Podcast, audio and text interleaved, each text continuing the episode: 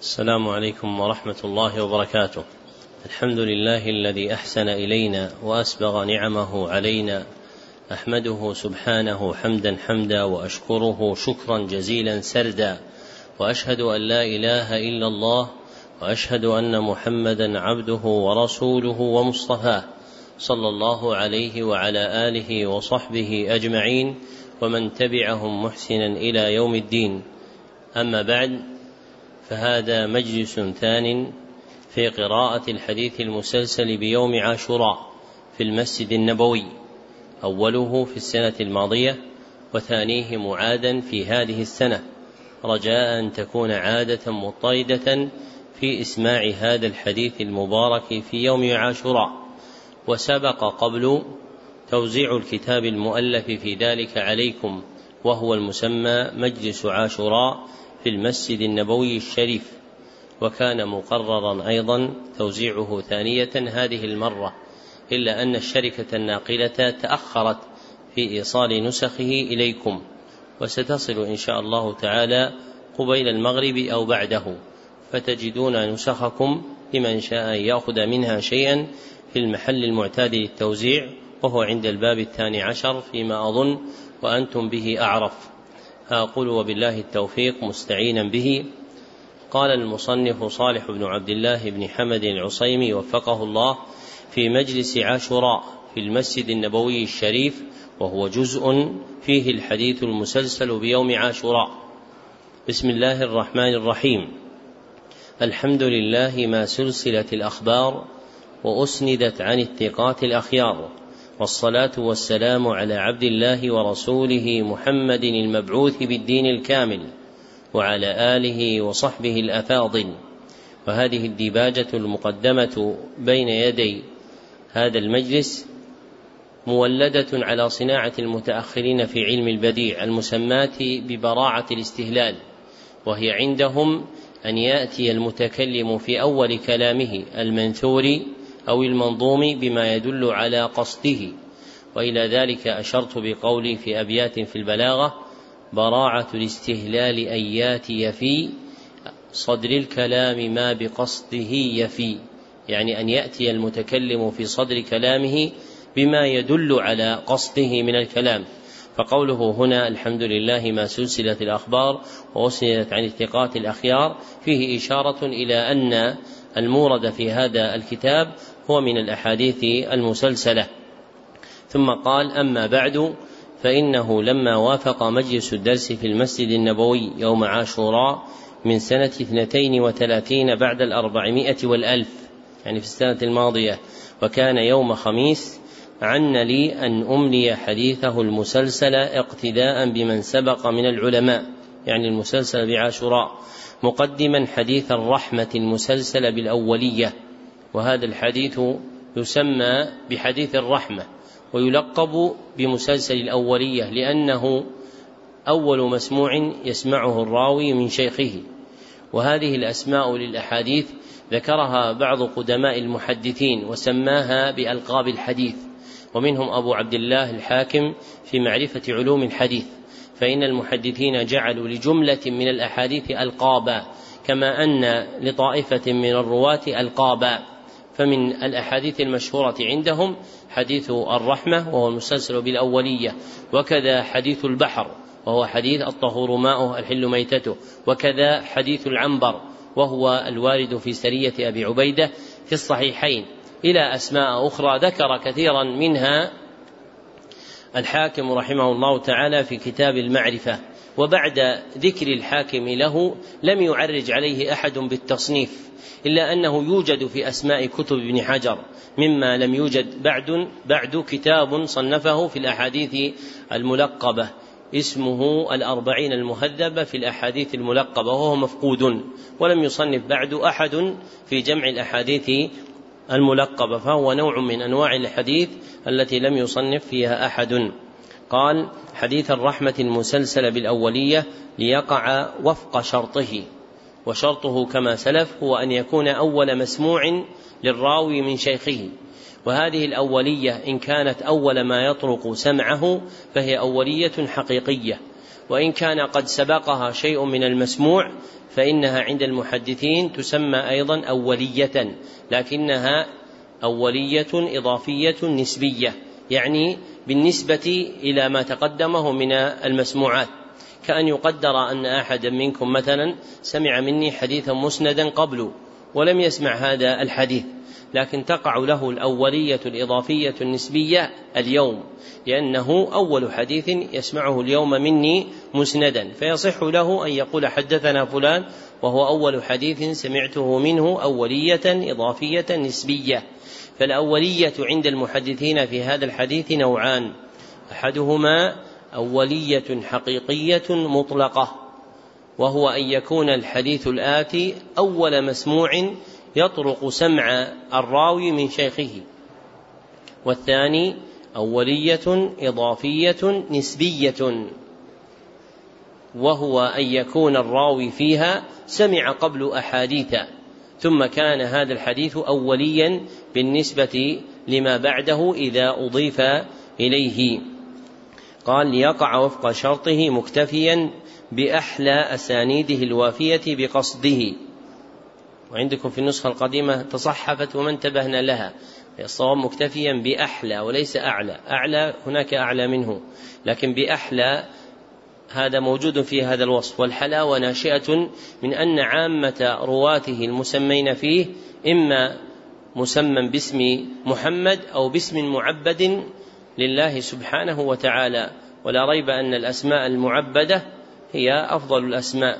ففي صحيح مسلم من حديث أبي هريرة أن النبي صلى الله عليه وسلم قال أحب الأسماء إلى الله. إيش؟ عبد الله. عبد الرحمن. وفيما لا أصل له قولهم أحب الأسماء ما عبد وحمد فإن هذا حديث لا أصل له.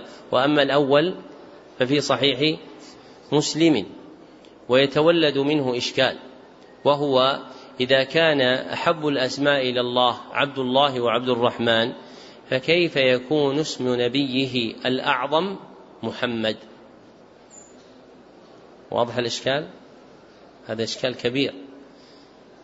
ثم وقع بعض الناس في دفعه في أمور أخطأوا فيها على الشريعة. ما الجواب عن هذا الإشكال؟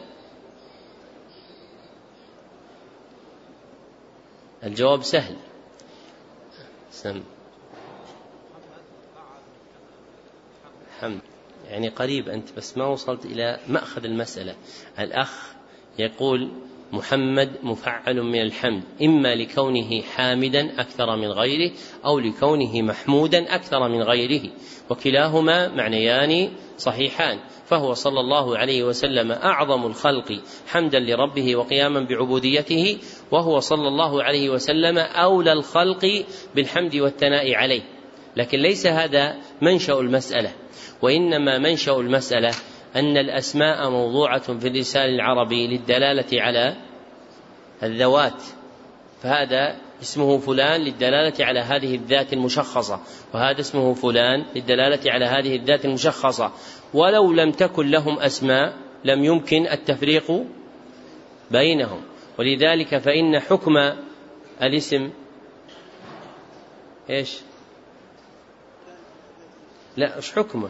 جالك ولد أنت تقول بحرف خليه بدون اسم واجب لماذا؟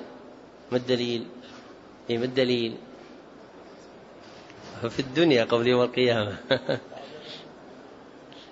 نقل ابن حزم في مراتب الإجماع إجماع أهل العلم على وجوب تسمية المولود هذا الدليل يجب تسمية المولود أن يجعل له اسما لأن ما يتأتى له من حقوق لا يمكن بيانها إلا بمعرفة اسمه فتسمية المولود هي واجبة وهذه الأسماء للدلالة على الذوات ولذلك يقال في الاسم الذي دل على الذات إنه علم فيقال مثلا محمد علم زيد علم يعني دال على تلك الذات.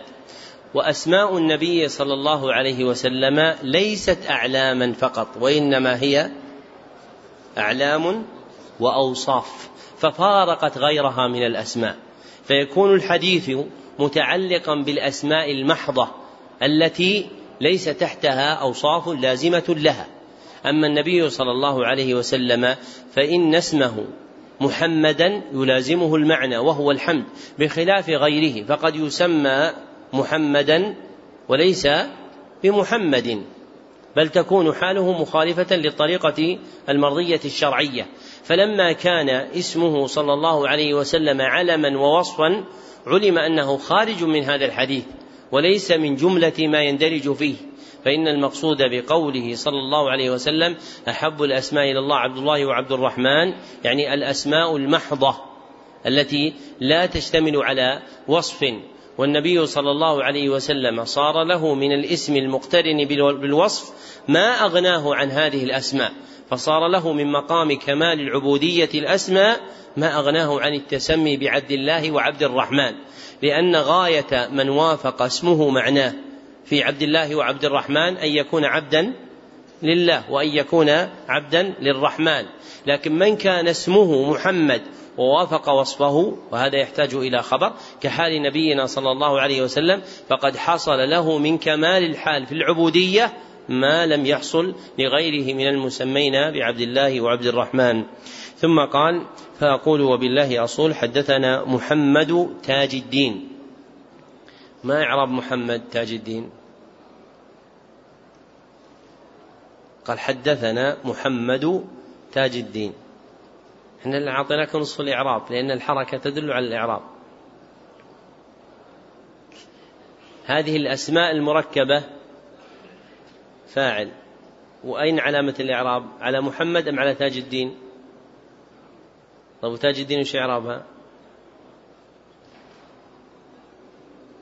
لا ليست بدل ليست لقب هي. الآن هذه الأسماء المركبة التي انتشرت عند الناس بأخرة تجدون محمد إسحاق محمد نذير محمد بكر. إلى آخر هذه الأسماء. هذه الأسماء المركبة حادثة فهي من النوازل النحوية. وللنحاة المتأخرين فيها قولان. القول الأول أن علامة الإعراب تظهر على الاسم الأول ويكون مضافا والثاني مضافا إليه. فمثلا حدثنا محمد تاج الدين يكون محمد فاعل مرفوع وعلامة رفعه الضمة الظاهرة وهو مضاف وتاج الدين مضاف إليه.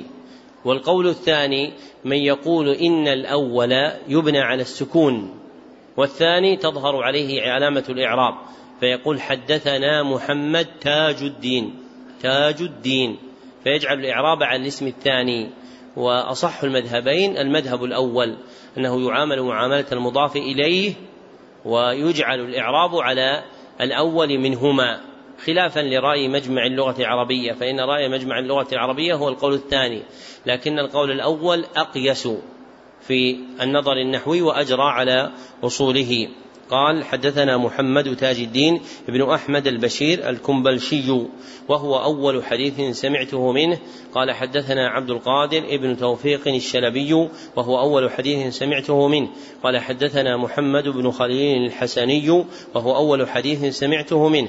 قال حدثنا محمد بن أحمد البهي وهو أول حديث سمعته منه. قال حدثنا محمد بن محمد الحسيني وهو أول حديث سمعته منه. إيش الفرق بين الحسن والحسيني حسني منسوب إلى حسن بن علي رضي الله عنهم والحسين منسوب إلى الحسين بن علي رضي الله عنهما. وأفضلهما لماذا؟ لا ما ينفع كذا التعليلات هذه. لما في الصحيح أن النبي صلى الله عليه وسلم قال أحسنت إن ابني هذا سيد وعسى الله أن يصلح به بين طائفتين من المسلمين. فقوله سيد يدل على تقديم الحسن عن الحسين فإن الحسين شاركه في سيادة الآخرة لحديث الحسن والحسين سيد شباب أهل الجنة وزاد الحسن بسيادة الدنيا فصار أعلى رتبة من أخيه الحسن. قال من أخيه الحسين. قال حدثنا محمد بن محمد الحسيني وهو أول حديث سمعته منه. قال حدثنا داود بن سليمان الخربتاوي وهو أول حديث سمعته منه. قال حدثنا محمد الفيومي المصري وهو أول حديث سمعته منه. قال حدثنا يوسف بن عبد الله الأرميوني وهو أول حديث سمعته منه. قال حدثنا عبد الرحمن ابن أبي بكر السيوطي وهو أول حديث سمعته منه. ما تقدر تجمع بين الكلام وبين السماع. السماع يا إخوان وظيفته آلته إيش؟ الأذن. فإذا شغلتها بغيره لم يمكن أن تسمع. الذي يريد أن يسمع على طريقة أهل الحديث الذين هم أهل الحديث لابد أن ينصت إلى المسموع. كيف؟ إذا كان المسموع ليس مجرد رواية من الكتب وإنما هو حديث عن النبي صلى الله عليه وسلم. فلا ريب أنه يتلقى بالإعظام. قال حدثنا يوسف بن عبد الله الأرميوني وهو أول حديث سمعته منه قال حدثنا عبد الرحمن بن أبي بكر السيوطي وهو أول حديث سمعته منه قال حدثنا عبد الرحمن ابن علي بن عمر ابن الملقن. ابن الملقن رفعت لأنها نعت يعني صفة. عوملت معاملة لو كان نسبا. كما لو قيل مثلا كما سيأتي حدثنا عبد اللطيف بن عبد المنعم الحراني. فإذا كانت كلمة ابن موضوعة لا للدلالة على كونه مضافا كما هو العادة في سرد النسب أنه مضاف إليه وإنما على أنه لقب لذلك الاسم المذكور فيكون تابعا له بالنعتية إما منصوبا أو مرفوعا أو مجرورا بحسب محله. حدثنا عبد الرحمن بن علي بن عمر بن الملقن وهو أول حديث سمعته منه. قال حدثنا جدي عمر بن علي بن الملقن وهو أول حديث سمعته منه. قال حدثنا محمد بن محمد الميدومي وهو أول حديث سمعته منه. قال حدثنا عبد اللطيف ابن عبد المنعم الحراني وهو أول حديث سمعته منه. قال حدثنا عبد الرحمن بن علي ابن الجوزي وهو أول حديث سمعته منه. قال حدثني إسماعيل بن أبي صالح النيسابوري. بفتح النون وليس بكسرها النيسابوري وإنما النيسابوري وهو مركب أصله ني سابور وسابور كان ملكا. والني نوع من أنواع العيدان التي تؤخذ من الشجر التي بنيت بها مدينة نسبت إليه فقيل نيسابور نيسابور وشهر بهذا الاسم. وهو أول حديث سمعته منه قال حدثنا أبي أحمد بن عبد الملك النيسابوري وهو أول حديث سمعته منه قال حدثنا محمد بن محمد الزيادي. وهو أول حديث سمعته منه. قال حدثنا أحمد بن محمد البزاز وهو أول حديث سمعته منه. قال حدثني عبد الرحمن بن بشر بن الحكم وهو أول حديث سمعته منه. قال حدثني سفيان بن عيينة وهو أول حديث سمعته منه. عن عمرو بن دينار عن أبي قابوس مولى عبد الله بن عمرو بن العاصي. بإثبات الياء على الأفصح. فإن الأفصح في هذا الاسم أنه بالياء العاصي والعاص لغة صحيحة لكن الأفصح إثبات الياء. عن عبد الله بن عمرو بن العاص رضي الله عنهما عن رسول الله صلى الله عليه وسلم قال الراحمون يرحمهم الرحمن قال في الحاشية وقع في بعض طرق سماع الحديث زيادة تبارك وتعالى وليست من الرواية ويجوز ذكرها تعظيما لله عز وجل هذا ما يزاد في الحديث مما ليس منه على وجه التأدب كأن يقول الإنسان إذا ذكر الله عز وجل أو ذكر النبي صلى الله عليه وسلم صلى عليه وسلم أو ذكر صحابيا ترضى عنه. الراحمون يرحمهم الرحمن ارحموا من في الأرض يرحمكم من في السماء.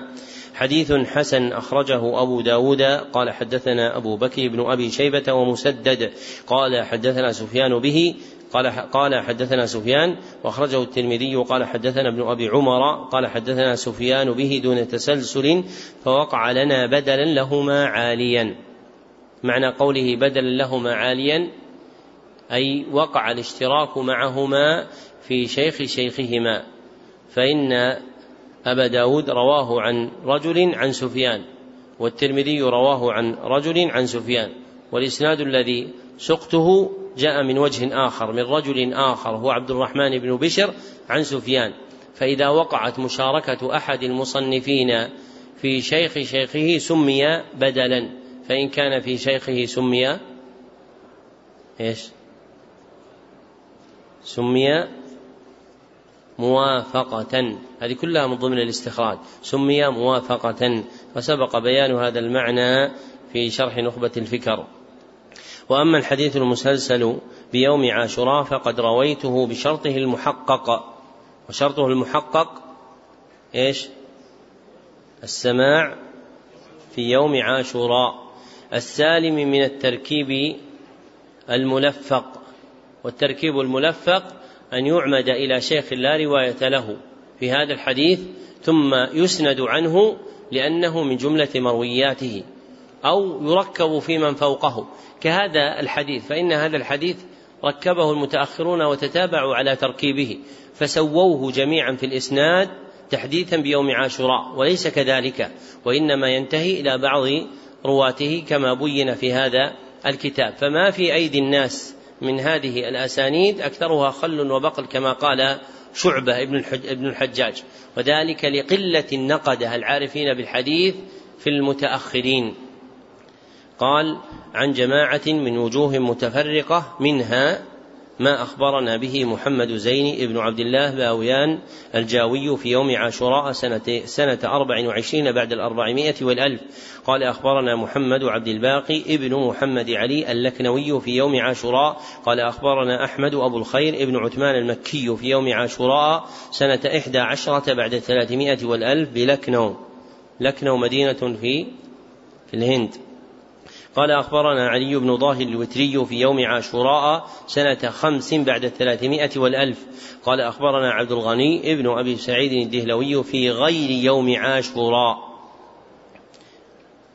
هنا انقطع والراوي صرح بأنه لم يسمع في عاشوراء في ما ذكره عن شيخه وهو في كتاب مخطوط صرح بأنه لم يسمعه كذلك. وفي الكتب التي بأيدي الناس يسندونه إلى هذا الرجل ثم يكملون الطريق. عاشوراء عاشوراء حاء وأخبرني مثله عبد الكريم. حاء يعني تحويل وتكون في أول السند لا في آخره. فما في بعض الكتب المطبوعة من جعله في آخر السند الماضي غلط وإنما يكتب في أول السند الآتي ويقرأ في أوله. حاء وأخبرني مثله عبد الكريم ابن يونس الخزامي في يوم عاشوراء سنة سبع وعشرين بعد الأربعمائة والألف. قال أخبرنا عمر بن حمدان المحرسي في يوم عاشوراء. قال أخبرنا عبد الحي بن عبد الكبير الكتاني في يوم عاشوراء. قال أخبرني أبو جيدة بن عبد الكبير الفاسي في آخر ذي القعدة. هنا اختل التسلسل في هذا الراوي لأنه لم يسمعه منه إلا في آخر ذي القعدة. والقعدة بفتح القاف وكسرها والأفصح الفتح. في آخر ذي القعدة قال سمعته من عبد الغني هو ابن أبي سعيد الدهلوي في شهر رجب لكوني لم أره في عاشوراء. يعني ما سمعه في عاشوراء وإنما سمعه منه في رجب في هذا المسجد. والأسانيد التي بأيدي المتأخرين تجد يسندونه عن عنه أبي جيدة عن عبد الغني في يوم عاشوراء وهو يذكر أنه لم يسمعه منه في عاشوراء. حاء وأخبرنا وأخبرني عاليا درجة. إدريس بن محمد العراقي في يوم عاشوراء سنة ثلاث وعشرين بعد الأربعمائة والألف قال أخبرنا عبد الحي بن عبد الكبير الكتاني في يوم عاشوراء قال أخبرنا قال أخبرني أبو جيدة ابن عبد الكبير الفاسي في آخر ذي القعدة قال سمعته من عبد الغني هو ابن أبي سعيد الدهلوي في شهر رجب لكوني لم أره في عاشوراء. حاء وأخبرني مثله عبد الكريم بن يونس الخزامي في يوم عاشوراء سنة سبع وعشرين بعد الأربعمائة والألف. قال أخبرنا عمر بن حمدان المحرصي في يوم عاشوراء. قال أخبرنا علي بن ظاهر الوتري في يوم عاشوراء. قال أخبرنا عبد الغني بن أبي سعيد الدهلوي في غير عاشوراء. حاء وأخبرني مثله عبد العظيم بن محمد المهدي الكتاني في يوم عاشوراء سنة تسع وعشرين بعد الأربعمائة والألف. قال أخبرنا أبي في يوم عاشوراء. قال أخبرنا أبو جيدة بن عبد الكبير الفاسي. قال سمعته من عبد الغني هو ابن أبي سعيد الدهلوي في شهر رجب لكوني لم أره في عاشوراء. قال أخبرنا محمد عابد بن أحمد علي السندي إجازة في ربيع الأول. قال سمعت عمي محمد حسين الأنصارية قال سمعت والدي محمد مراد الأنصارية الآن الرواية سماع لكنها في غير في غير عاشوراء لكنها سماع. قال سمعت عبد القادر هو ابن أبي بكر الصديقي. قال سمعت حسن بن علي العجيمية قال سمعت إبراهيم بن حسن الكراني في يوم عاشوراء. قال سمعت سلطان بن أحمد المزاحي. كذلك. كذلك يعني في يوم عاشوراء. قال سمعت أحمد بن خليل السبكي كذلك قال سمعت محمد بن أحمد الغيطي كذلك عن محمد بن أحمد بن النجار قال أخبرنا محمد بن محمد السيوطي في يوم عاشوراء بقراءة عثمان الديمي. قال أخبرنا عبد الرحمن بن أحمد الغزي المعروف بابن الشيخة في يوم عاشوراء وأنا حاضر. أنا حاضر هذه تجعل عند المحدثين لمن حصل له السماع وهو ابن خمس سنين فأقل فيكتب سماعه وأنا حاضر. الإخوان يأتون يحضرون الدروس يكتب على نسخته حضرت هذا الكتاب عند شيخنا فلان من أوله إلى آخره. هذا غلط. يقول سمعت هذا الكتاب على شيخنا فلان من أوله إلى آخره لكن تقييد العلم تغير وضيع بسبب بعد الناس عن علوم الأوائل لكن المتبع عند الأوائل أن كلمة الحضور تجعل لمن كان في الخامسة فما دون فمن كان معه ابن صغير يكتب له ذلك ويقيده فإنه ربما انتفع به يوما من الدهر. ومن محاسن ابن ناصر الحنبلي رحمه الله تعالى أنه كان يدور بالصبيان في المكتب فيسمعهم معه ومنهم ابن الجوزي فحصل لهم سماعات عالية وكان يقيدها لهم ويحفظها. ثم يدفعها إليهم إذا كبروا أو وجدوها في كتبه بعد موته. فينبغي أن يقيد الإنسان سماع من كان له من الصغار كأخ أو ابن أو غير ذلك ويجعله وفق أصول المتقدم. فإن كان صغيرا دون له ذلك بلفظ الحضور.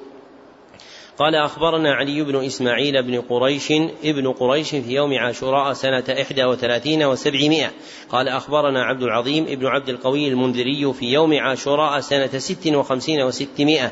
قال أخبرنا عمر بن محمد ابن طبرزد البغدادي وعبد الله بن أبي بكر البغدادي في كتابه إلي من بغداد واللفظ له قال أخبرنا محمد بن عبد الباقي الأنصاري قراءة عليه ونحن نسمع. قال أخبرنا الحسن بن علي الجوهري قراءة عليه وأنا أسمع. قال أخبرنا علي بن محمد بن كيسان قراءة عليه فأقر به. قال أخبرنا يوسف يعني ابن يعقوب القاضي. قال حدثنا أبو الربيع. فأقر به يعني قال قراءة عليه فأقر به. يعني أخبر بأن هذا من حديثه. يعني أقر بأن هذا من مسموعه الذي سمعه. وشرط قبول الإقرار أن يكون الشيخ متحققا. متيقظا. أما الشيخ المغفل الذي لا يعرف صنعة الحديث فهذا لا ينفع إقراره. كما صار الناس الآن. يأتون إلى بعض الشيوخ الذين لا يعون الرواية فيقول له حديث عاشوراء من مروياتك. يقول سمعنا من المشايخ الحديث سمعنا عليهم البخاري ومسلم. فيقول نعم أخبركم شيخكم في يوم عاشوراء. قال أخبرنا إلى آخره. فإذا قيل له إنه لم يسمع في يوم عاشوراء قال قال الشيخ لنا أنه سمع الأحاديث من شيخه.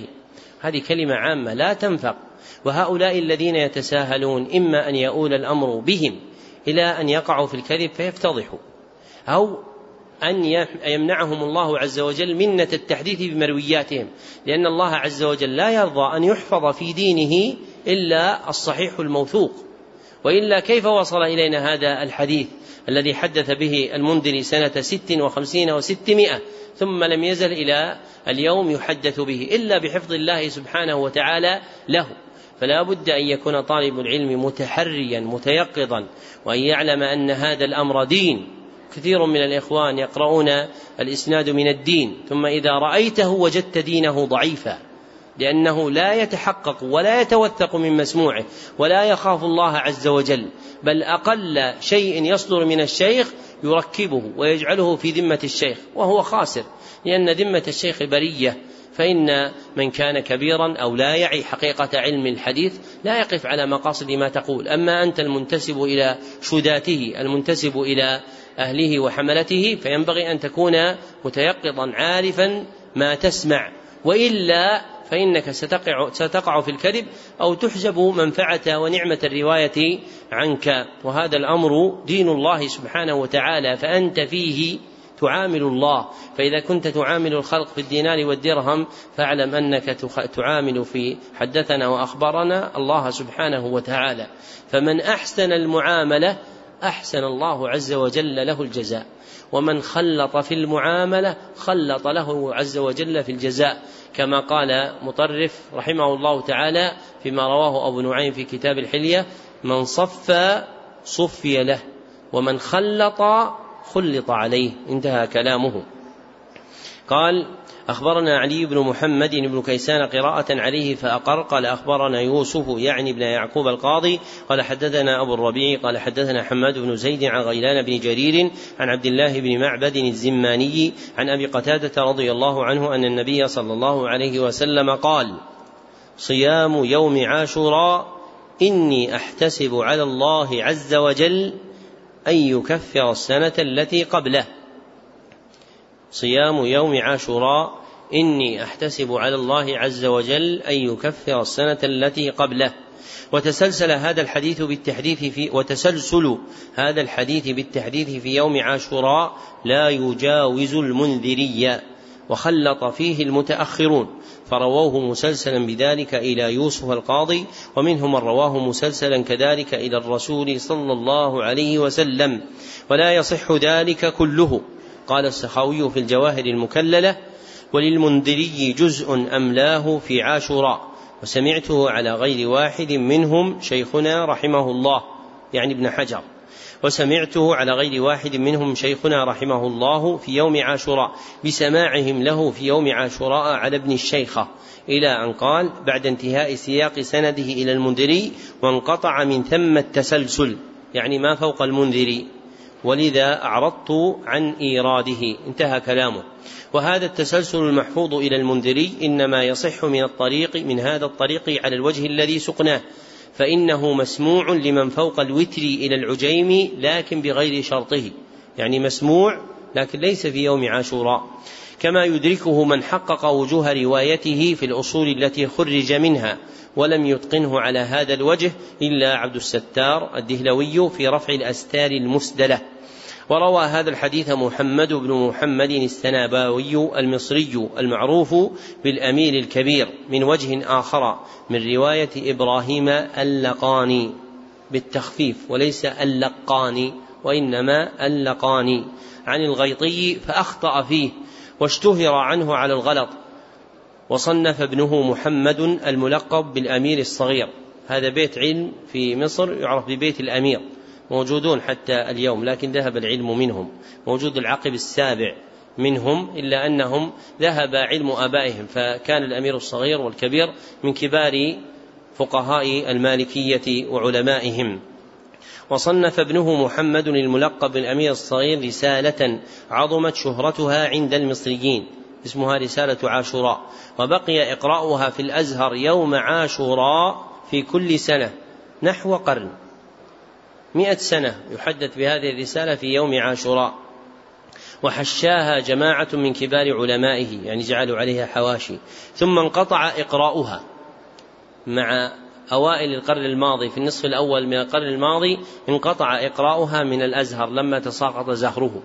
كما قال شيخه محمد الخضر الحسين إن الأزهر تساقط زهره فمن الزهر الذي تساقط رسالة لها مئة عام تقرأ بأسانيدها ذهبت من الأزهر بل ذهبت من مصر كلها كما قال ولم أجدها مسموعة في مصر بشرطها عند أحد من الشيوخ لا بعلو ولا بنزول وروي الحديث مسلسلا عن الأمير الكبير من وجه ثان من رواية سالم السنهري عن الغيطي ولا يصح أيضا. وأحسن طرق هذا الحديث المشهورة هي رواية عبد الغني الدهلوي عن عابد السندي كما أسندناه وتسلسله ينتهي إلى المنذري وتحقيق أسانيد المتأخرين وتمييز منازلها بين الشك واليقين مما تنشرح له صدور الأتقياء وتضيق به صدور الأدعياء. لما فيه من كشف أوهامهم وأوهام شيوخهم ومن يعظم في نفوسهم وهم أحرى ببيان غلط أخبارهم من الثقات الأثبات. نجوم الرواية في الصدر الأول المبين خطأ من أخطأ منهم في كتب علل الحديث. يعني علل الحديث لم تنتهي موجودة ولكن الأوائل كان لهم فيها نفس ومعرفة. ومن نهض بهذا العلم من المتأخرين فقصارى عنايته أسانيد الأوائل الموجودة في الكتب المسندة. أما أسانيد المتأخرين فقل العلم بتعليلها وفيها علل كعلل الأوائل فيوجد إسناد مشهور عند المتأخرين معل. يدخلون راويا في راو ويجعلون ما لراو لراو آخر. كإسناد شهر الخلط فيه وهو محمد بن مصطفى الخضري عن الباجوري. فإن محمد ابن مصطفى الخضري رجلان أخوان. أحدهما صغير وكبير كلاهما لرجل واحد من زوجتين فأحدهما تلميذ الباجوري والآخر شيخ الباجوري ولما خفي العلم بحقيقة ترجمتهما وقع الخلط في إسناديهما فصار يوهم مرة بأن هذا شيخ للباجور وليس راويا عنه أو يعكس ذلك. والصحيح أن أحدهما وهو الصغير ابن المرأة الصغرى تلميذ للباجور والكبير ابن المرأة الكبرى شيخ للباجور وكلاهما اسمه محمد ابن مصطفى الخضري. في نظائر لهذا التعليل في أسانيد المتأخرين وأسانيد المتأخرين كثيرة العلل قليلة النفع لكن من اشتغل بها ينبغي أن يتحرى في معرفتها. ولا ينبغي للعبد أن يلاحظ بعين الرعاية إلا أمر الشريعة معرضا عن القيل والقال ومماحلات الجدال فإن للحق أنوارا وللملة أنصارا والله حافظ دينه فتعبده بالسعي في حفظه وأعرض عن الجاهل ولفظه. يعني هذه قاعدة كلية الإنسان ينبغي له أن يتعبد الله عز وجل في بيان الحق الحقيق والصواب الصحيح. وما عدا ذلك من مماحلات الجدال ومن قول الناس هذا تلقيناه عن شيوخنا وإنما يراد به إسقاط أسانيد شيوخنا هذه كلها لا تنفق. الذي ينفق هو ما صدق الإنسان فيه ربه. فإذا كان المقصود بيان الصحيح من ذلك فإنه يجب على من وهبه الله معرفة أن يبين ذلك. قبله الناس أو ردوه. أصروا على الغلط أم أخذوا الصواب؟ فإن هذا موجود في أسانيد المتأخرين الإصرار على الغلط وهو من علل الأسانيد عند الأوائل. وكذلك في المتأخرين من يصر على إسناد خطأ فيمشي هذا الإسناد الخطأ بينهم ويسندون به والعارف بعلل الحديث ومراتب رواته يجزم بأن هذا الإسناد لا كان ولا صار كما سيأتي التنبيه إلى شيء من ذلك. وما أحسن ما أخبرنيه إجازة مسلسلا بالعلماء المصريين أحمد فهمي أبو سنة عن محمد بخيت ابن حسين المطيعي بخيت بكسر الباء عندهم.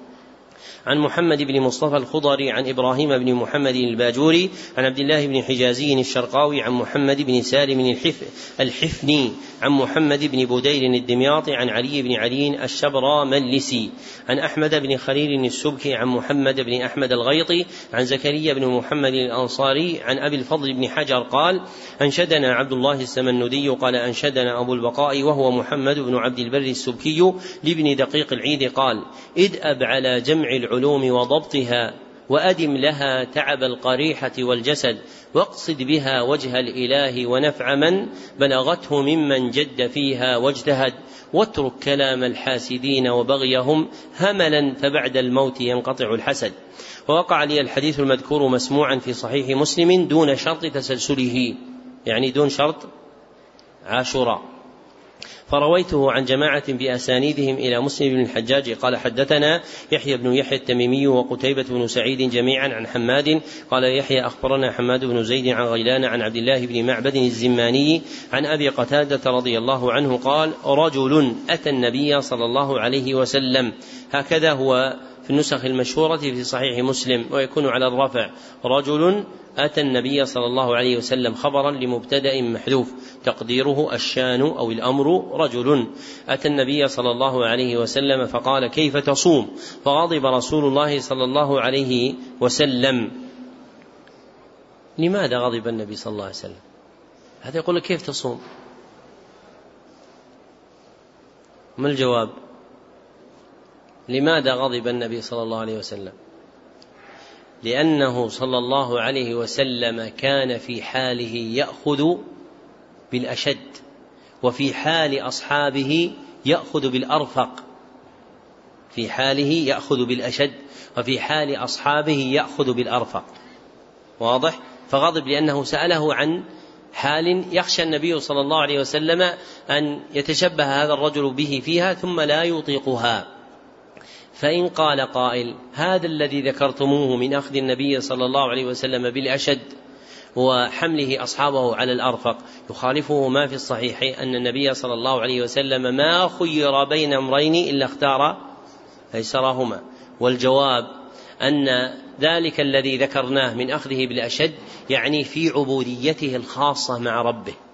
في عبوديته الخاصة مع ربه وأخذه بالأيسر في أمر أمته العام في أمر أمته العام يعني في تدبير أحوالهم ودلالتهم. وأما في حاله هو ففي الصحيح من حديث عائشة أن النبي صلى الله عليه وسلم قام حتى تفطرت قدماه. فقالت عائشة لقد غفر الله لك ما تقدم من ذنبك وما تأخر. فقال أفلا أكون عبدا شكورا فكان يعامل نفسه بالوصول إلى المرتبة الأعلى من شكر الله عز وجل. قال فغضب رسول الله صلى الله عليه وسلم فلما رأى عمر رضي الله عنه غضبه قال رضينا بالله ربا وبالإسلام دينا وبمحمد نبيا نعوذ بالله من غضب الله وغضب رسوله. فجعل عمر رضي الله عنه يردد هذا الكلام حتى سكن غضبه. فقال عمر يا رسول الله كيف بمن يصوم الدهر كله؟ قال لا صام ولا أفطر أو قال لم يصم ولم يفطر.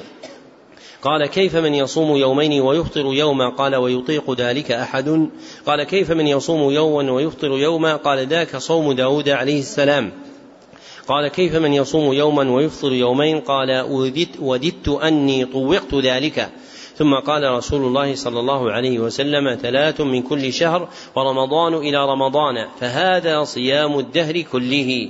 صيام يوم عرفة أحتسب على الله أن يكفر السنة التي قبله والسنة التي بعده وصيام يوم عاشوراء أحتسب على الله أن يكفر السنة التي قبله. ثم رواه أيضا من حديث شعبة بن الحجاج عن غيلان به وأشار إلى ما وقع في ألفاظه من اختلاف. هذا الحديث أصل صيام التطوع فأتم حديث في بيان صيام التطوع ومراتبه هو هذا الحديث عن النبي صلى الله عليه وسلم ووقع فيه ألفاظ زائدة في بعض الروايات أشار مسلم إليها وفي بعضها غلط من رواتها. ثم ثم قال وأعله البخاري فقال في تاريخه الأوسط ولم يذكر سماعا من أبي قتادة وقال في الكبير ولا يعرف سماع عبد الله بن معبد من أبي قتادة وقال فيه أيضا ولا نعرف سماعه من أبي قتادة البخاري كم للتاريخ؟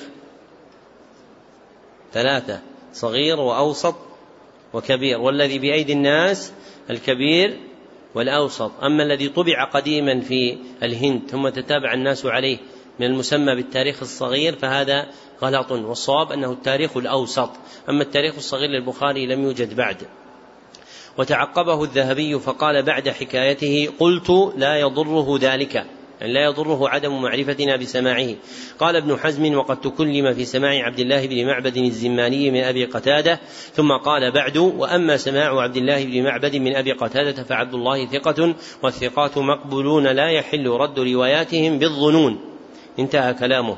وأدخل حديثه في الصحيح جماعة منهم مسلم وابن خزيمة وابن حبان والحاكم يعني جعلوه من الحديث الصحيح. وقال النسائي في كبراه النسائي فيه ثلاث لغات النسائي والنسائي والنسوي. والأولى أعلاها وهي النسائي والثانية النسائي هي أشهرها. فالأول أعلى لأنه مهموز نسأ. كسبأ قال شيخنا حماد الأنصاري رحمه الله وهو في الوزن لديهم كسبئي يعني أنه من باب السبأ فيقال نسائي فبابهما واحد. وقال النسائي في كبراه يعني في السنن الكبرى واسمها لا اسمها السنن. الكبرى اسمها السنن. والكبرى لقب لم يسمه هو به وإنما ميزوه عن كتابه الآخر. المسمى المجتبى من السنن المسندة. هكذا سماه هو. المجتبى من السنن المسندة.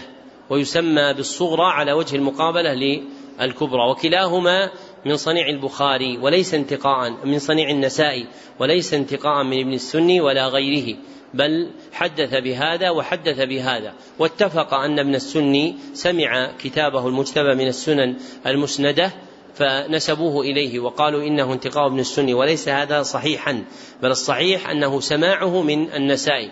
وابن السني سمع من السنن الكبرى ابوابا أدخلها في الصغرى ككتاب الزينة. فإنك تجد في النسخة التي بأيدينا رواية ابن السني كتاب الزينة من المجتبى. ثم بعد الفراغ كتاب الزينة من السنن يعني من الكتاب الآخر. فسمعه من هذا وهذا وأدرجهما في روايته في هذا الكتاب الصغير. وقال النسائي في كبراه هذا أجود حديث عندي في هذا الباب. وقال ابن جرير الطبري وهذا خبر عندنا صحيح سنده لا علة فيه توهنه ولا سبب يضعفه. انتهى كلامه. وجزم بصحته ابن عبد البر ابن عبد البر والبغوي والمنذري وابن الملقن وابن ناصر الدين وابن باز والألباني والعباد. وقد تتبعت حديث عبد الله الزماني عن أبي قتادة ولم أظفر بما يدل على السماع. يعني مرويات عبد الله بن معبد الزماني عن أبي قتادة ليس في شيء منها مما بأيدينا من الكتب المصنفة وهي كثير شيء صرح فيه بالسماع. لكن وجدت الخطيب في المتفق والمفترق يقول سمع أبا قتادة الأنصاري فجزم بسماعه منه. فلا أدري أوقف على تصريحه أم حكم فيه بإعمال القرائن ولها عند الخطيب نظائر حقيقة بالبحث والتحقيق.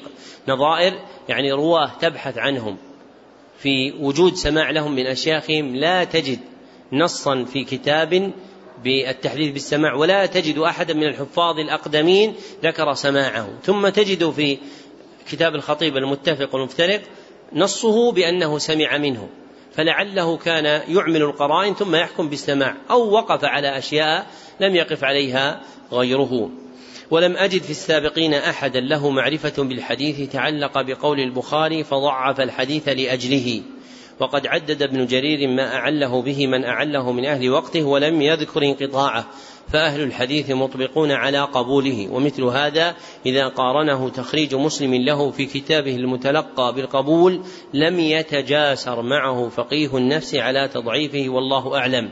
والمقصود بفقيه النفس من صار العلم له حالا يعني انطبعت فيه صورة العلم انطباعا تاما.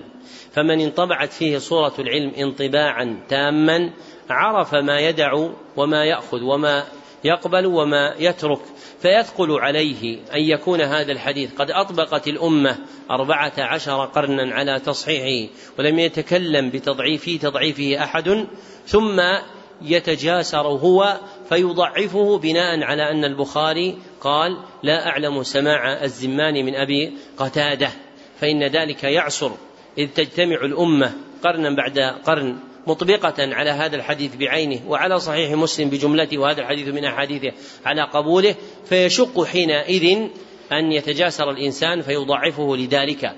وفقيه النفس مرتبة عالية في العلم سواء في الحديث أو في التفسير أو في الفقه أو في النحو أو في الأصول أو في غيرها. والمقصود منها أن يحل العلم من المرء محل الروح من جسده. فكما أن الروح حالة في جسده بها يأكل ويشرب ويتكلم كذلك إذا صار العلم ممزوجا بنفسه صارت له ملكة يميز بها معرفة الأشياء سواء في علم الحديث أو في علم الفقه أو في علم التفسير. لذلك من بلغ هذه المرتبة إذا سمع شيئا من مقالات الناس قال هذا لا يقول به فقيه أو قال هذا لا يقول به مفسر أو قال هذا لا يقول به محدث لأنه يعسر مع كمال صورة العلم عند أن يتصور صدور مثل هذه المقالة عند أحد. كما لو قال القائل إن صيام يوم عاشوراء بدعة. ماذا تقولون؟ بدعة أم سنة؟ سنة. طيب قال الحديث ضعيف عنده. ما الجواب؟ الجواب هذا دين يا إخوان. هذا عاشوراء صيام دين. استغنى عن نقل خاص. استفاض في الأمة. صار دينا مشهورا. ولا تجد مذهب من المذاهب المتبوعة إلا ويذكرون صيامه على خلاف عند بعض فقهائهم لكن من المجزوم به أن بعض من كرهه من الفقهاء تجد في مذهبه من رأى استحبابه. لكن لا تجد أحدا منهم قال أنه بدعة والبدعة ترى أمرها عسير ليست شربة ماء. الآن المتأخرون توسعوا في إطلاق اسم البدعة فتجد شيئا عند الأوائل لم يتكلم فيه أحد بأنه بدعة. ثم يأتي الإنسان ويقول بدعة. أين الأثرية أين كون الإنسان متبعا للآثار ومن سبق؟ سبق. كيف تتجاسر على مخالفة من سبق؟ أن يكون الشيء عندهم مشهورا ثم يأتي إنسان ويقول ببدعيته. حتى وإن وجدت رجلا في القرن السادس أو السابع أو الثامن قال ببدعيته أفهو أفضل من الأوائل الذين شهر بينهم العمل ثم لم يقل أحد منهم ببدعيته. مثل مسح اليدين بعد الوجه في الدعاء. روى عبد الرزاق بسند جيد عن يحيى بن سعيد الأنصاري أحد صغار التابعين قال لم يزل الناس إذا دعا أحدهم إذا دعا أحدهم مسح وجهه بيديه. هذا يخبر عن حال الناس في زمن التابعين. أمر منتشر. ولا تجد من قال ببدعيته إلا من كان في القرن السابع فمن بعده. فمثل هذا يعصر عليه إطلاق البدعية. والإنسان ينبغي أن يفهم فهم السلف أنه فهم السلف. وليس فهم فلان وفلان وفلان. أنت متعبد بالقرآن والسنة على طريقة السلف الأوائل من الصحابة والتابعين وتابع التابعين. لكن لا يعني هذا أنك تتجاسر على تغطية المتأخرين من العلماء الدهاقنة. لكن متى صار عندك بينة بأثر عن الأوائل فتمسك بآثار الأوائل؟ كما قال سفيان الثوري إذا كان في صفة حك الرأس أثر فاتبعه. ثم قال فصل وعاشوراء هو عاشر المحرم الحرام. بأل. عندكم في النسخة محرم الحرام. هو في اللغة الأفصح. ونوزع في صحة الثانية يقال شهر المحرم. بأل التعريفية. وفي تجريده من أل خلاف. لكن المقطوع به أن قرنه بأل هو اللغة الصحيحة الفصيحة.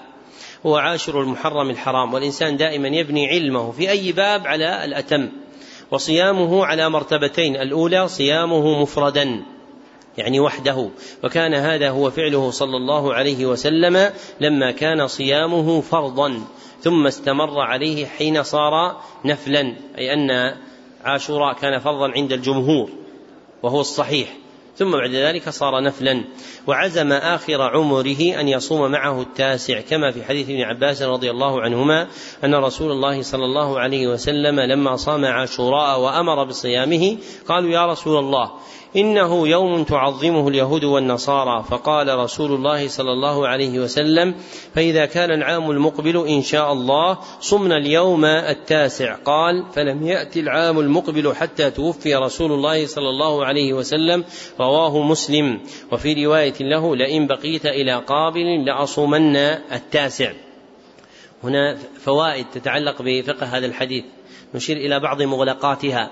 في الحديث قال تعظمه اليهود والنصارى وفي الطرق الأخرى التصريح بأن تعظيمه كان لأن اليهود يقولون إنه يوم عظيم نجى الله فيه موسى عليه الصلاة والسلام من فرعون. طيب لماذا تعظمه النصارى؟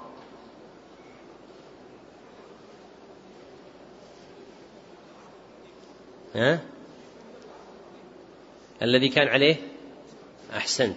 لأن دين النصارى يعتبر امتدادا لدين موسى عليه الصلاة والسلام إلا ما جاء عيسى بالمفارقة لما كان عليه الناس من اليهود في دين موسى عليه الصلاة والسلام. فالأصل أن دين عيسى تابع لدين موسى فعظمه النصارى تبعا للعهد القديم من تعظيمه في التوراة. ولذلك عيسى قال ومصدقا لما بين يدي التوراة فهو مصدق لما فيها من الدين الصحيح. وهنا مسألة أخرى الصحابة قيل له قالوا إنه يوم تعظمه اليهود والنصارى. قال فإذا كان العام المقبل صمنا التاسع ثم لم يأتي العام إلا قد توفي. طيب في سبب الحديث ألم يعلم النبي صلى الله عليه وسلم بأن اليهود تعظمه فصامه وقال نحن أحق؟ نعم. بلى كذلك. فلماذا قالوا له هذا ثم قال نخالفهم بنصوم التاسع.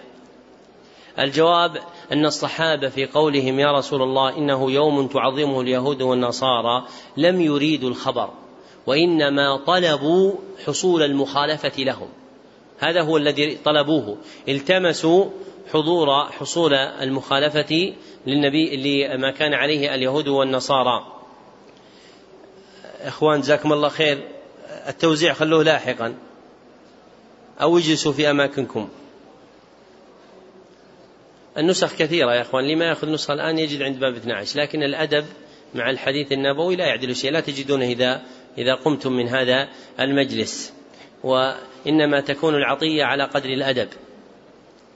فوجه وجه ذلك أن الصحابة عندما قالوا يوم تعظمه اليهود والنصارى إنما أرادوا حصول طلب المخالفة لأنه تقرر عندهم في الدين بأخرة طلب حصول المخالفة لليهود والنصارى فالتمسوا مخالفتهم لليهود والنصارى فأرشدهم النبي صلى الله عليه وسلم إلى صيام التاسع. ثم قال وكان محرك عزمه هو طلب مخالفة اليهود والنصارى. وقد صح عن ابن عباس رضي الله عنهما موقوفا صوموا التاسع والعاشر وخالفوا اليهود. رواه عبد الرزاق في مصنفه ومن طريقه البيهقي في السنن الكبرى. وسعيد بن منصور في السنن والطحاوي في شرح معاني الآثار وإسناده صحيح. ومخالفة أهل الكتاب مأمور بها إما فرضا وإما نفلا. ويستفاد منها تأكيد استحباب صيام التاسع مع العاشر. أما كراهية الإفراد وهو مذهب الحنفية فلا تستفاد من المنقول لأن تعظيمه وقع مشابهة لا تشبها والثاني هو متعلق النهي الوارد في أبوابه يعني أن مأخذ النهي الوارد في أبواب التشبه ليس حصول المشابهة وإنما اقترانها بقصد التشبه بهم. فالتشبه تكون فيه إرادة مشابهتهم وأما مجرد المشابهة فليس محظورا منها. كجلوسنا على كرسي يجلس عليه اليهود والنصارى أو شربنا في إناء يشرب فيه اليهود والنصارى فإن هذه مشابهة وليست تشبها. أما التشبه فمحله إرادة موافقتهم فيما اختصوا به. إرادة موافقتهم فيما اختصوا به.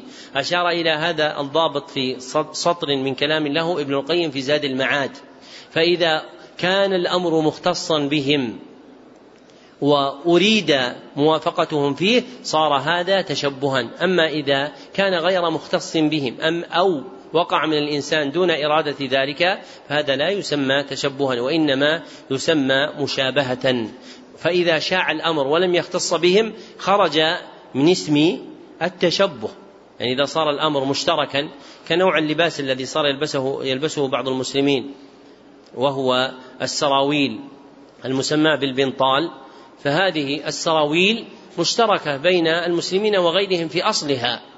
ثم وجدت منها أنواع اختص بها اليهود والنصارى في زمن. ثم خرجت من الاختصاص. وصارت لباسا مشتركا بين اليهود والنصارى والمسلمين. فإذا خرجت من الاختصاص ارتفع عنها حكم النهي. وهذا واقع في جملة من الأحكام الشرعية. يتغير الحكم بسبب ما يطرأ على صورته في زمن من الأزمان. ثم قال فصيام عاشوراء وحده مستحب وضم التاسع إليه آكد استحبابا. والثانية يعني الصورة الثانية صيامه وصيام غيره. الصورة الأولى أن يصومه مفردا. والصورة الثانية صيامه وصيام غيره من أيام شهر محرم معه. وهذه المرتبة أربعة أنواع. النوع الأول صيامه ويوما قبله وهو التاسع وتقدم دليله وأنه مستحب استحبابا مؤكدا. النوع الثاني صيامه ويوما بعده وهو الحادي عشر لحديث ابن عباس مرفوعا صوموا قبله يوما أو بعده يوما رواه أحمد بإسناد ضعيف وهو إن لم يصح رواية لكن النظر يقتضيه لتحقق المخالفة بصيامه لمن لم يصم التاسع فعلة صيام التاسع طلب مخالفة اليهود والنصارى وهي موجودة إن صيم الحادي عشر بدله مع العاشر يعني أن الحديث الوارد في صيام الحادي عشر وإن كان ضعيفا لكن النظر يقتضيه. فإن الأمر بصيام التاسع لطلب المخالفة. فإذا لم تحصل المخالفة إلا بصيام يوم بعده كان مستحبا أيضا. وليس كل الأحكام تبنى على الأثر وإنما من الأحكام ما يبنى على الأثر ومنها ما يبنى على النظر. لكن الجمدة من الأخذة بالظاهر من المنتسبين إلى الحديث جعلوا صناعة الحديث صناعة جامدة ليس فيها روحا. ولم يلتزموا بما يدل عليه النظر وكان الناس في الزمن الأول كما قال الخطابي أهل أثر وأهل نظر. ثم وقعت المنافرة بينهم إلى آخر ما ذكر رحمه الله تعالى في معالم السنن. ثم قال النوع الثالث صيامه ويوما قبله ويوما بعده. وهذا النوع ثلاثة أقسام. الأول صيام الثلاثة بنية التقرب بها صفة لصيام عاشوراء وهي مروية عند البزار في مسنده والبيهقي في السنن الكبرى واللفظ له من حديث ابن عباس مرفوعا صوموا قبله يوما وبعده يوما وإسناده ضعيف. يعني أن ينوي الإنسان صيام عاشوراء ويقول عاشوراء ثلاثة أيام. والمروي في ذلك حديث ضعيف والصحيح أن عاشوراء ليست له مرتبة يصام فيها الثلاثة أيام على إرادة كونها صياما لعاشوراء. الثاني صيامها احتياطا ليتيقن موافقة يوم صومه يوم عاشوراء وهذا مستحب إن اشتبه إن اشتبه دخول الشهر لا إن حقق. يعني إن اشتبه الشهر فلم يعرف أوله صام الإنسان التاسع والعاشر والحادي عشر ليتحقق موافقة السنة والاشتباه هو عدم إمكان الوقوف على العلم المقطوع به. وليس هذا الشهر منه بل هذا الشهر محقق وليس مشتبها. فإن ليلة دخوله المؤقتة في تقويم أم القرى لم يتيسر رؤية الهلال لأن البلد كانت سحابا ومطرا. فأتم شهر ذي الحجة تبعا للأمر بإكمال الشهر إذا غمي الهلال. فصار شهر ذي الحجة ثلاثين يوما. فتأخر دخول شهر المحرم يوما. فصار التاسع هو يوم الاثنين وصار العاشر هو يوم الثلاثاء. الثالث صيامها بنية صيام عاشوراء وثلاثة أيام من كل شهر فينوي صيام ثلاثة أيام من الشهر وذلك مستحب مستحب اتفاقا ويدرج فيها صيام عاشوراء بنيته الخاصة فيصيم فيصيب بصيام العاشر عملين صيام عاشوراء وصيام يوم من الثلاثة المستحبة كل شهر لصحة اجتماعهما في فعل واحد مع نيتهما جميعا يعني يصوم ثلاثة أيام التاسع والعاشر والحادي عشر لا على الشك في الشهر ولا على إرادة التقرب بأن هذه من صفات صيام عاشوراء وإنما على إرادة صيام ثلاثة أيام من كل شهر فهو يقدم يوما مع اليومين اللذين يصومهما من التاسع والعاشر ثم يردفهما بالحادي عشر ليكمل له صيام ثلاثة أيام من كل شهر لأن صيام ثلاثة أيام من كل شهر حيثما وقع في الشهر وقع الجزاء عليه. ثم قال النوع الرابع صيامه وصيام يوم أو أكثر من أيام شهر المحرم غير سابقه ولا لاحقه. غيروها حطوا ال في أيام من أيام شهر المحرم غير سابقه ولاحقه يعني لا يصوم الذي قبله ولا الذي بعده وإنما يصوم يومين قبله أو يومين بعده. وفيه يكون صيام عاشوراء مفردا. لو صام الثامن السابع والثامن ثم أفطر التاسع ثم صام العاشر ثم أفطر الحادي عشر ثم صام ما بعده هذا يصير, يصير قد صام عاشوراء مفردا ولم يصمه على الأتم من صيامه. وفيه يكون صيام عاشوراء مفردا فيرجع إلى المرتبة الأولى وإن نواه من ثلاثة أيام متفرقة في الشهر أصابها أو نواه في الصيام المحرم أصابه. وغاية المقال أن الصفة الأتم في صيام عاشوراء هي صيامه مع التاسع فطوبى لمن طلب الأتم وكان شغل نفسه الأهم وتحرى صيام اليومين كل عام وأدام صومهما بلا انفصام يعني بلا انقطاع. ففي الصحيحين واللفظ للبخاري عن ابن عباس رضي الله عنهما قال ما رأيت النبي صلى الله عليه وسلم يتحرى صيام يوم فضله على غيره إلا هذا اليوم يوم عاشوراء وهذا الشهر يعني شهر رمضان قال ابن رجب فأحسن وبمثلها تعرف مدارك الفهم ويفرق بين الألمعي والفدم الألمعي يعني الذكي النبيه والفدم قليل الفهم أو الأحمق. قال وابن عباس إنما صحب النبي صلى الله عليه وسلم بأخرة يعني في آخر عمره وإنما عقل منه صلى الله عليه وسلم من آخر أمره. فهذا يدل على أن قول ابن عباس ما رأيت النبي صلى الله عليه وسلم يتحرى صيام يوم فضله على غيره يعني لما رآه في آخر عمره. ثم قال وعن الأسود بن يزيد قال ما رأيت أحدا كان آمر يعني أشد أمرا. ما رأيت أحدا كان آمر بصيام يوم عاشوراء من علي بن أبي طالب وأبي موسى رضي الله عنهما. خرجه الطيالسي وابن أبي شيبة واللفظ له وإسناده صحيح. ورواه ابن الجعد في مسنده ومن طريقه البيهقي في شعب الإيمان. ولفظه ما رأيت أحدا ممن كان بالكوفة من أصحاب رسول الله صلى الله عليه وسلم. وصح عن ابن عباس رضي الله عنهما أنه كان يصوم في السفر يوم عاشوراء. رواه ابن أبي شيبة في مصنفه والطبري في تهذيب الآثار. لماذا كان يصوم عاشوراء في السفر؟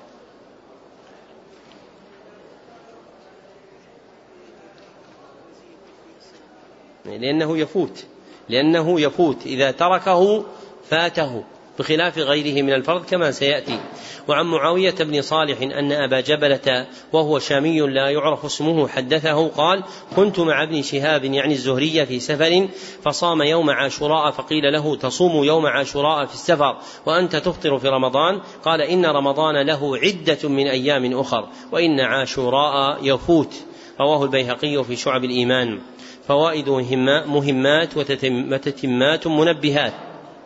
الأولى شرط تسلسل حديث عاشوراء المحقق سماعه في يومه من طلوع فجره إلى غروب شمسه وهو العاشر من المحرم وفق رؤية هلاله. لا التقاويم الفلكية الحسابية. وإن سمعه في ليلته وهي سابقته فأرجو أن لا بأس به لأنها تدخل في اسم اليوم ولم أفعله في من سمعته منه ولا رأيت أحدا فعله غير أن ملح الرواية يتوسع فيها ويعول على أدنى مناسبة وأقل ملابسة ولا سيما إن ضاق الوقت. يعني أن سماع عاشوراء يكون من طلوع الفجر إلى غروب الشمس هذا الأتم.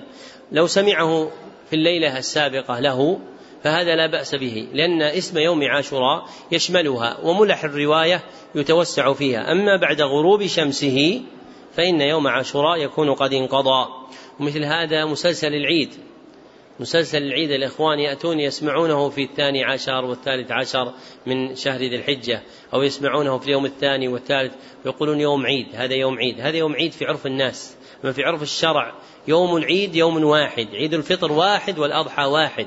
وأيام التشريق أيام عيد لكن لا تسمى يوم عيد. عيد الأضحى هو العاشر وعيد الفطر هو الأول من شهر شوال فيسمع المسلسل بالعيد فيهما لا في يوم تال لهما.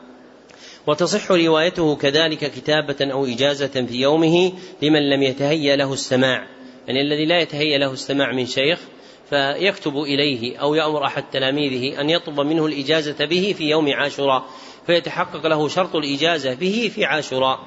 وبه ما رواه عبد الحي الكتاني عن شيخيه عبد الجليل براده وفالح الظاهري. لما خرج من المدينة أوصى أبا الخير اللكنوي أوصى أبا الخير العطار الهندي أوصاه أن يطلب له الإجازة من هذين الشيخين في يوم عاشوراء. فطلب له الإجازة فيهما فرواه إجازة عنهما بشرطه في يوم عاشوراء فيقول أخبرني فالح الظاهري إجازة في يوم عاشوراء. فيصح لأنه في عاشوراء لكن ليس سماعا وإنما إجازة. الثانية من تركيب رواية مسلسل عاشوراء الملفق صنيع من يرويه عن شيخ لم يسمعه بشرطه ويحدث عنه بسماعه من شيوخه بتسلسله كمن يحدث به عن شيوخ دمشق أو اليمن أو الهند. ولا يعرف هذا الحديث بشرطه عندهم بأسانيد بلادهم. فمخرج روايته عن الحجازيين والمصريين وعنهم رواه المغاربة والحلبيون. يعني هذا الحديث في تسلسله يرجع إلى أسانيد أهل الحجاز ومصر وعنهم رواه المغاربة والحلبيون. أما أسانيد أهل الشام أو أسانيد أهل الهند أو أسانيد أهل اليمن من المتأخرين فإنه ليس فيها شيء رواية هذا المسلسل. فيأتون بعض الناس ويركبون السماع لهؤلاء المشايخ ويروونهم عنهم بأسانيدهم التي يعرفونها إلى الثابت الفلاني. يقول حدثنا فلان يوم عاشوراء قال أخبرنا فلان يوم عاشوراء ويركبه. لكن إذا كان هو لا يفهم يخرج الله عز وجل له من يفهم. وهذا انتشر بأخرة في أمر عظيم وهي المصنفات في علم القراءات. فصار بعض الناس يقول أنا أروي الجزرية أروي الشاطبية أروي الدرة أروي الطيبة ويسوقها بسند القراءة وهذا غلط. لأن سند القراءة شيء وسند الكتاب شيء. فرق بين القراءة بمضمن الكتاب وبين القراءة قراءة الكتاب. تجد من المشايخ من قرأ بمضمن الكتاب. لكن لم يقرأ الكتاب. فكان مثلا الشيخ أحمد مصطفى أبو الحسن من أجل شيوخ الشيخ الزيات قرأ عليه القراءات السبع والعشر من طريق الشاطبية والدرة والطيبة لكن ما قرأ عليه المتون ما قرأ عليه الشاطبية والدرة والطيبة. لماذا؟ لأن شيخه كان مشغولا بالإقراء وليس منصرفا إلى أن يقرئ هذه المتون وهو كان يحفظها بواسطة أخيه وكان بصيرا ويعمل في التجارة في قيادة السيارات. فكان يأمرها أن يقرأ عليه وهو يحفظ. فلا يأتي إنسان وقد وقد فعلوا ويسند الكتاب الذي في القراءات بسند القراءات. هذا غلط ولا يجوز وحرام. هذا من التركيب. كما فعلوه في الجزرية والشاطبية والطيبة. فصار يقول سمعت الجزرية قال شيخنا فلان قال شيخنا فلان أخبرنا شيخنا فلان يسندونها من طريق أسانيد القراءات. أسانيد القراءات شيء وأسانيد كتب القراءات شيء آخر. ومثل هذا في الأحاديث المسلسلة أو غيرها من المرويات. ومن ملفق التركيب فيه ما في بعض المقيدات من روايته عن عبد الرحمن بن فارس وحماد الأنصاري ومحمد الشاذلي النيفر وعبد الفتاح راوة وعبد الغني الدقر ومحمد فؤاد الدمشقي ومحمد أبو خزة التطواني ومحمد نادر البرماوي وسهيل بن عبد الغفار حسن فإن هؤلاء لا يصح لهم التسلسل بشرطه. وتجدون بعض الناس يقول أخبرنا الشيخ فلان في يوم عاشوراء قال أخبرنا فلان في يوم عاشوراء قال أخبرنا فلان في يوم عاشوراء وكل ذلك خل وبقل. والغفلة عن تمييز المرويات تورد صاحبها مورد الكذب عند المحققين الأثبات. كما قال يحيى بن سعيد قال ما رأينا مثل ما رأينا أكثر من صالح ما رأينا الكذب في الحديث أكثر منه في صالحين يقصد الخطأ في الحديث والبقاء عليه والإصرار عليه. فتجد أن صنعتهم في الحديث ضعيفة فيجري عليهم الخطأ وينتشر عنهم حتى ينسب إليهم الكذب. وهذا واقع في المتأخرين. فإن قوما قاب قوسين أو أدنى من أن يصمه المحدث الناقد بأنه كذاب لأنه لا يبالي بما يحدث فهو يأخذ كيفما شاء من الكتب ثم يجلس في المجلس ويقول حديث كذا وحديث كذا وحديث كذا وقد يكون الحديث برمته لا أصل له لا سندا ولا متنا. قال الثالثة سمع شيخنا محمد محمد زين بن عبد الله باويان الجاوي مسلسل عاشوراء من محمد عبد الباقي اللكنوي وعمر بن حمدان المحرصي كتبته عنه من إملائه. فائدة النص على شيوخ الشيوخ لأن أسانيدهم الأخرى تندرج في مسموعاتكم. مثلا محمد عبد الباقي ما استوفينا كل أسانيده أو عمر حمدان ما استوفينا كل أسانيده في المسلسل. فإذا وجدت إسنادا له أسندتموه عن محدثكم عن شيوخه بهذا الطريق.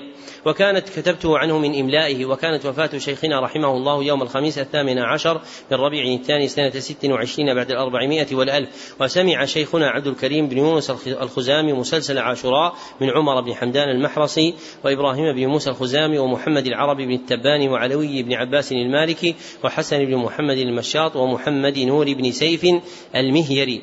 هؤلاء كلهم سمع منهم مسلسل عاشوراء لكن نحن أسندا عن واحد فقط من شيوخه. كتبته عنه من إملائه وكان من ألزم الناس لأشياخه المذكورين وخلف الأول في خلوته بالمسجد الحرام.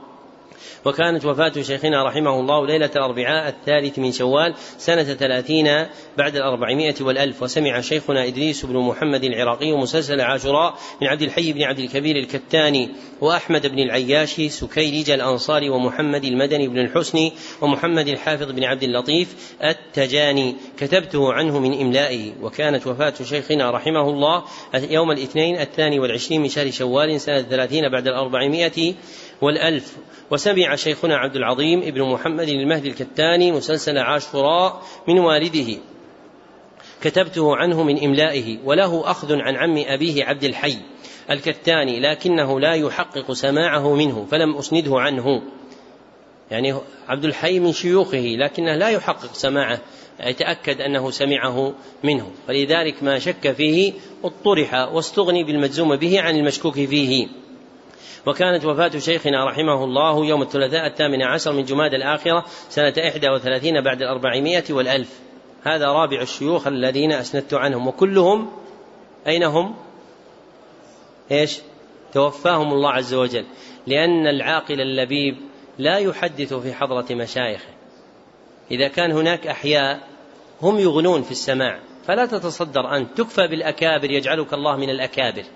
وأما الذي يمتطي صهوة التحديث في حال حياة اشياخه أو لم يحتج الناس إلى حديثه فإنه يحرم نفسه ويحرم الناس لأن الناس لا يعرفون إلا هو ويظنون أنه مسند العصر وقد يكون شيوخه أو من هم في مرتبة شيوخه أو أعلى من شيوخ شيوخه موجودون في الحياة. وهذا من مآسي الرواية المتأخرة انتشرت الرواية عن فلان وفلان من الصغار من أمثاله يعني فتجد أن الشباب لا يعرفون إلا هؤلاء ويتركون الأكابر ويساعدهم أولئك بأن يقولوا ليس في البلد الفلاني إلا فلان لا يعرف إلا فلان. وهذا كله من الغش ولذلك يعاقبون يحرمون من شيوخ بينهم وبينهم أمتار قليلة من الكبار لأنهم لم يحسنوا الصنيعة فعوقبوا على قدر فعلتهم. وليس هذا قصدي لما حدثت عن الأموات والدليل أن جماعة من هؤلاء المذكورين في الكتاب قد استجزتهم لمن تلمذ لي فأجازوا فيكونون من أشياخكم ونكون أقرانا. لأنني لا أريد أن أحتكر الرواية لأن الرواية كما أشار ابن سعدي عند المتأخرين ونفخ في يديه ليست بكبير شيء الكبير الشيء هو الدراية. فإذا أضيفت لها الرواية فذلك خير. فمن تلمذ لي, ممن حضر دروسي ومنها هذا الدرس بعناية واهتمام على إرادة التلمذة والانتساب إليها فهذا تصح له الرواية عن جماعة من المشايخ. المذكورين في هذا الكتاب أو في غيره لكن ممن أجاز لكم من المذكورين في هذا الكتاب الشيخ الأول الذي هو محمد تاج الدين الكمبلشي. هذا أجاز لكم.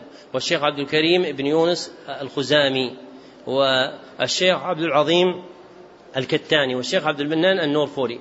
هؤلاء أربعة أجازوا لك أجازوا لمن تلمذ لي فمن صح له هذا الشرط ورضي به صحت له الرواية عن هؤلاء مباشرة. يعني يروي عنهم ما لهم من المرويات. ولا يعني هذا أنه يروي عنهم عاشوراء مباشرة لأنه لم يسمعوا منهم. لكن ما صح لهم من المرويات. مثلا تعرفون كتاب فهرس الفهارس؟ ثبت كبير لعبد الحي الكتاني. فمثلا الشيخ عبد العظيم الكتاني والشيخ عبد الكريم الخزامي يرويان عن هذا الرجل. فتسندون أنتم عن هذين الشيخين عن عبد الحي الكتاني بأسانيده الموجودة في كتابه. والمقصود هو نفع الخلق. ولذلك لي كتاب آخر ذكرته في مقام آخر اسمه النفع المتسني لمن أجاز للآخذين عني. يعني أردت نفع من أخذ عني فاستجزت له من جماعة من المشايخ. ثم قال الرابعة قرأ الوتري مسلسلات حصر الشارد للسندي على شيخه مرتين وفيها مسلسل عاشوراء لكن لم أره حدث به عنه إلا فيما أسنده من طريقه الحبشي في الدليل المشير. وإنما كان الوتري يسنده عن أحمد بن أحمد الشباسي المعروف بمنة الله الأزهري تلميذ الأمير الكبير لأنه سمعه منه بشرطه. أما عبد الغني فسمعه منه في غير يومه كما يستفاد من النفح المسكي لتلميذه العطار ورفع الأستار المستلة لتلميذه الآخر عبد الستار الدهلوي وما ذكراه مقدم على حكاية صاحب الدليل المشير مع كونه من أهل التثبت. يعني هذا موضع من المواضع التي أخطأ فيها المتأخرون في الإسناد. الخامسة تلقى عبد الحي الكتاني مسلسلات حصر الشارد المتضمنة مسلسل عاشوراء عن شيخه أبي جيدة بن عبد الكبير الفاسي كما في فهرس الفهارس غير أن مسلسل عاشوراء مما لم يتلقاه بشرطه بل كما سقناه تبعا للمثبت في نسخة عبد الحي الكتاني لمسموعه من مسلسلات حصر الشارد على شيخه أبي جيدة الفاسي. السادسة لم يذكر عبد الحي الكتاني في مسلسلات أبيه ولا تبته ومصورته ما لدي بخطه أنه روى مسلسل عاشوراء عنه ولا أن أباه سمعه من عبد الغني الدهلوي ولا أن الدهلوي سمعه من السندي بشرطه فما في الدليل المشير من خلاف ذلك غلط. يعني خالف الأصول التي استمد منها. وقد سمى في فهرس الفهارس من سمع منه مسلسل عاشوراء أو أجازه به بشرطه وليس فيهم أبوه فيكون ممن لم يسمع الحديث من أبيه. السابعة لم يتصل مسلسل عاشوراء بشرطه من طريق السندي وإنما اتصل بإجازته لتلميذه الدهلوي كما صرح بها في نسخة عبد الحي الكتاني لمسموعه منها على شيخه أبي جيدة الفاسي. واتصلت كثير من مسلسلاته بواسطة تلميذه محمد بن خليل القاوقجي بضم الواو لا بكسرها. القاوقجي أيضا لكن ليس فيها عاشوراء عنه. وفي ترجمة محمد بن محمد بن علي العمراني أنه سمع المسلسلات على السندي لكن لم يروها أصحابه عنه إلا أشياء يسيرة ليس منها المسلسل المذكور.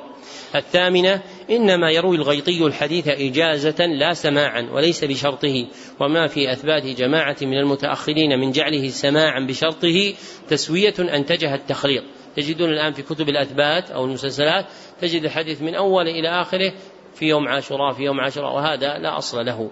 التاسعة قول عبد الرحمن بن أحمد الغزي المعروف بابن الشيخ أخبرنا علي بن إسماعيل بن قريش في يوم عاشوراء سنة إحدى وثلاثين وسبعمائة مثبت في سماعات جزء المنذري من نسخته الخطية في خزانة ليد ووقع في سماعات نسخة خزانة عارف حكمة. الخزانة هي التي يسميها المتأخرون بالمكتبة والفصيح تسميتها خزانة كتب.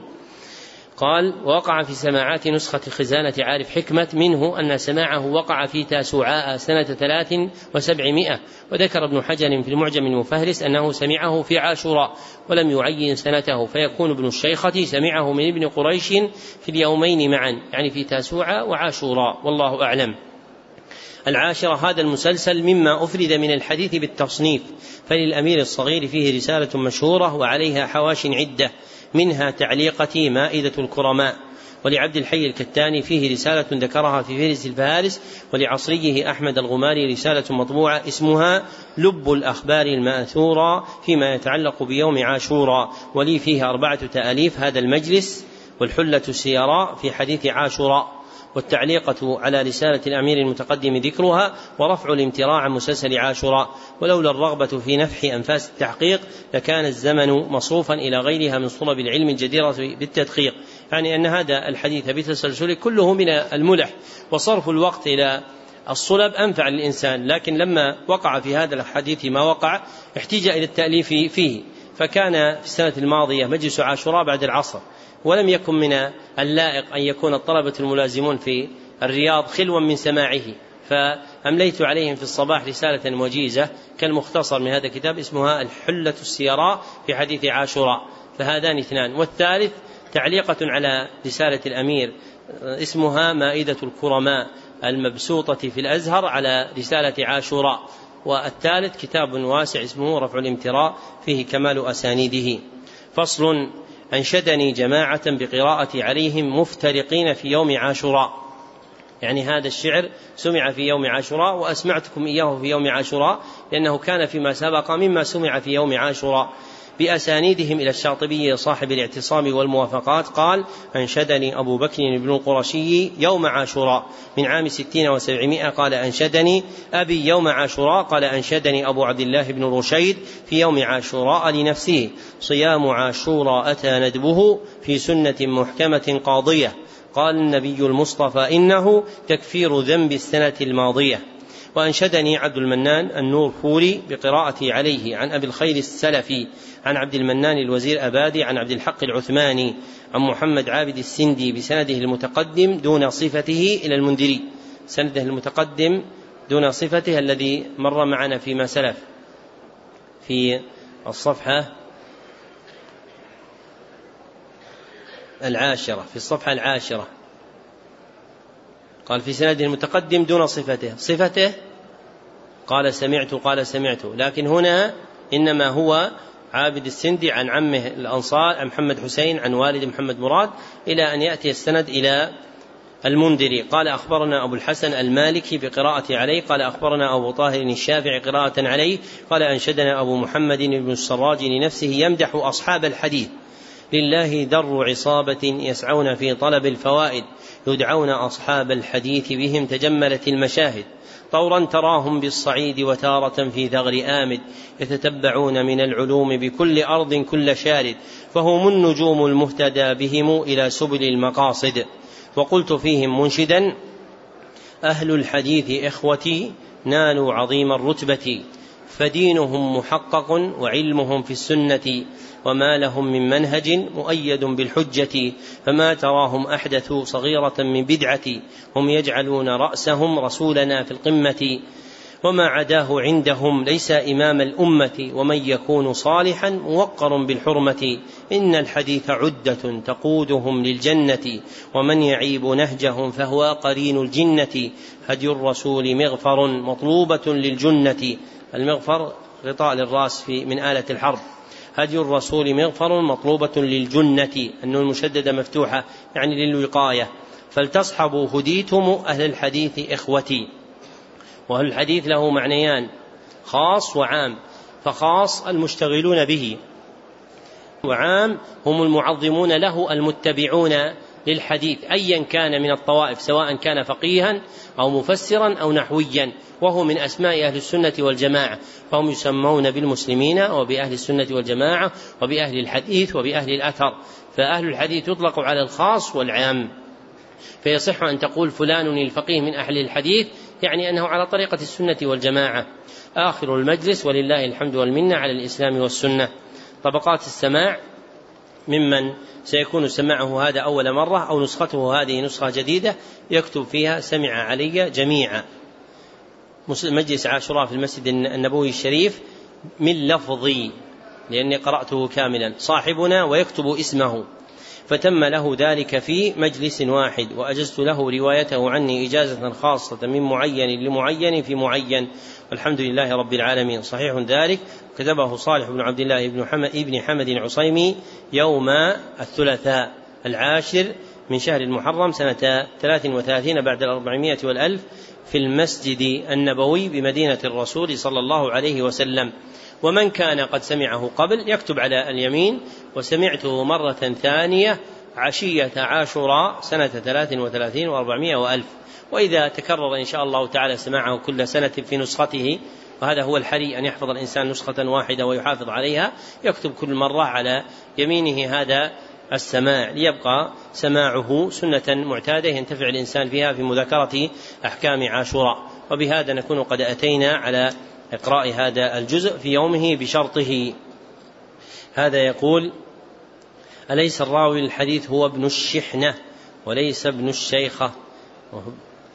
هذا الراوي عند عند المتأخرين عند المخلطين. أما راويه الذي هو راويه ابن الشيخة وليس ابن الشحنة. ابن الشحنة رجل وابن الشيخة رجل آخر.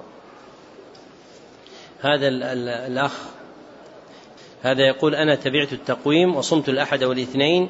الأمس ظنا أن التقويم موافق للشهر ثم اليوم لما انتهيت من تناول الفطور أخبرت أنه تم الإفتاء على أن اليوم هو يوم عاشوراء فندمت وحزنت على ذلك لكني أمسكت عن الأكل والشراب إلى الآن فهل أحصل على فضل صوم هذا اليوم؟ نعم بما أنك إن شاء الله تعالى أمسكت ونيتك السابقة في ذلك لا بأس. يقول ما ضبط اسم ابن جماعة؟ ابن جماعة كالجماعة بفتح الجيم. يقول هل السنن الصغرى تسمى بالمجتبى أم المجتنى؟ اسمها المجتبى هو سماها المجتبى من السنن المسندة. هذا كاتب الأخ على رأس السؤال سؤال شخصي. السؤال الشخصي يكلمني أو يرسل على الهاتف. يقول إذا حدث الرجل بهذا الحديث بعد العشاء هل يكون على الشرط؟ إحنا نقول إنه إذا حدث به بعد العشاء بعد أكل العشاء ينام. ليس هذا على الشرط. الشرط أن يكون في نهار عاشوراء وليس في في في الليل. يقول من كان عليه قضاء رمضان هل يجوز له صوم عاشوراء؟ إذا صامه بنية القضاء والنفل جميعا وقع النفل فقط ولم يقع قضاء لتشريكه بالنية ولا يصح ذلك. أما إذا نواه قضاء فقط وصامه لأجل عظمة هذا اليوم يكون قد صح قضاء ولم يصح له الأجر. هذا الأخ يقول نرجو إعادة الحديث فقط فقد فاتنا الحديث قبل أن يفوت اليوم وجزاكم الله خيرا. إيش تقولون يا إخوان. ليش الطبقة الثانية؟ لا إن شاء الله نقول السنة القادمة إن شاء الله تعالى يسمعه. لكن الرفق ما كان في شيء إلا زانه. فأنا أحدث به على طريقة مختصرة وهي من صور اختصار الإسناد عند المتأخرين وهي شيء لم يذكره المتكلمون على اختصار الحديث في علم المصطلح. فأقول وبالله التوفيق أخبرني جماعة من شيوخي ممن سميت في كتاب مجلس عاشوراء وغيرهم بأسانيدهم إلى أبي قتادة رضي الله عنه أن النبي صلى الله عليه وسلم قال صيام يوم عاشوراء إني أحتسب على الله أن يكفر السنة التي قبله. فيقع على وجه الاختصار سماع عاشوراء لمن لم يسمعه. فيكون قد سمع الحديث فقط فلا يروي الكتاب ويقول سمعت الكتاب. وفق الله الجميع. إن شاء الله تعالى برنامجنا القادم في إجازة الربيع برنامج مهمات العلم. وفق الله جميعا ما يحب الحمد لله رب العالمين.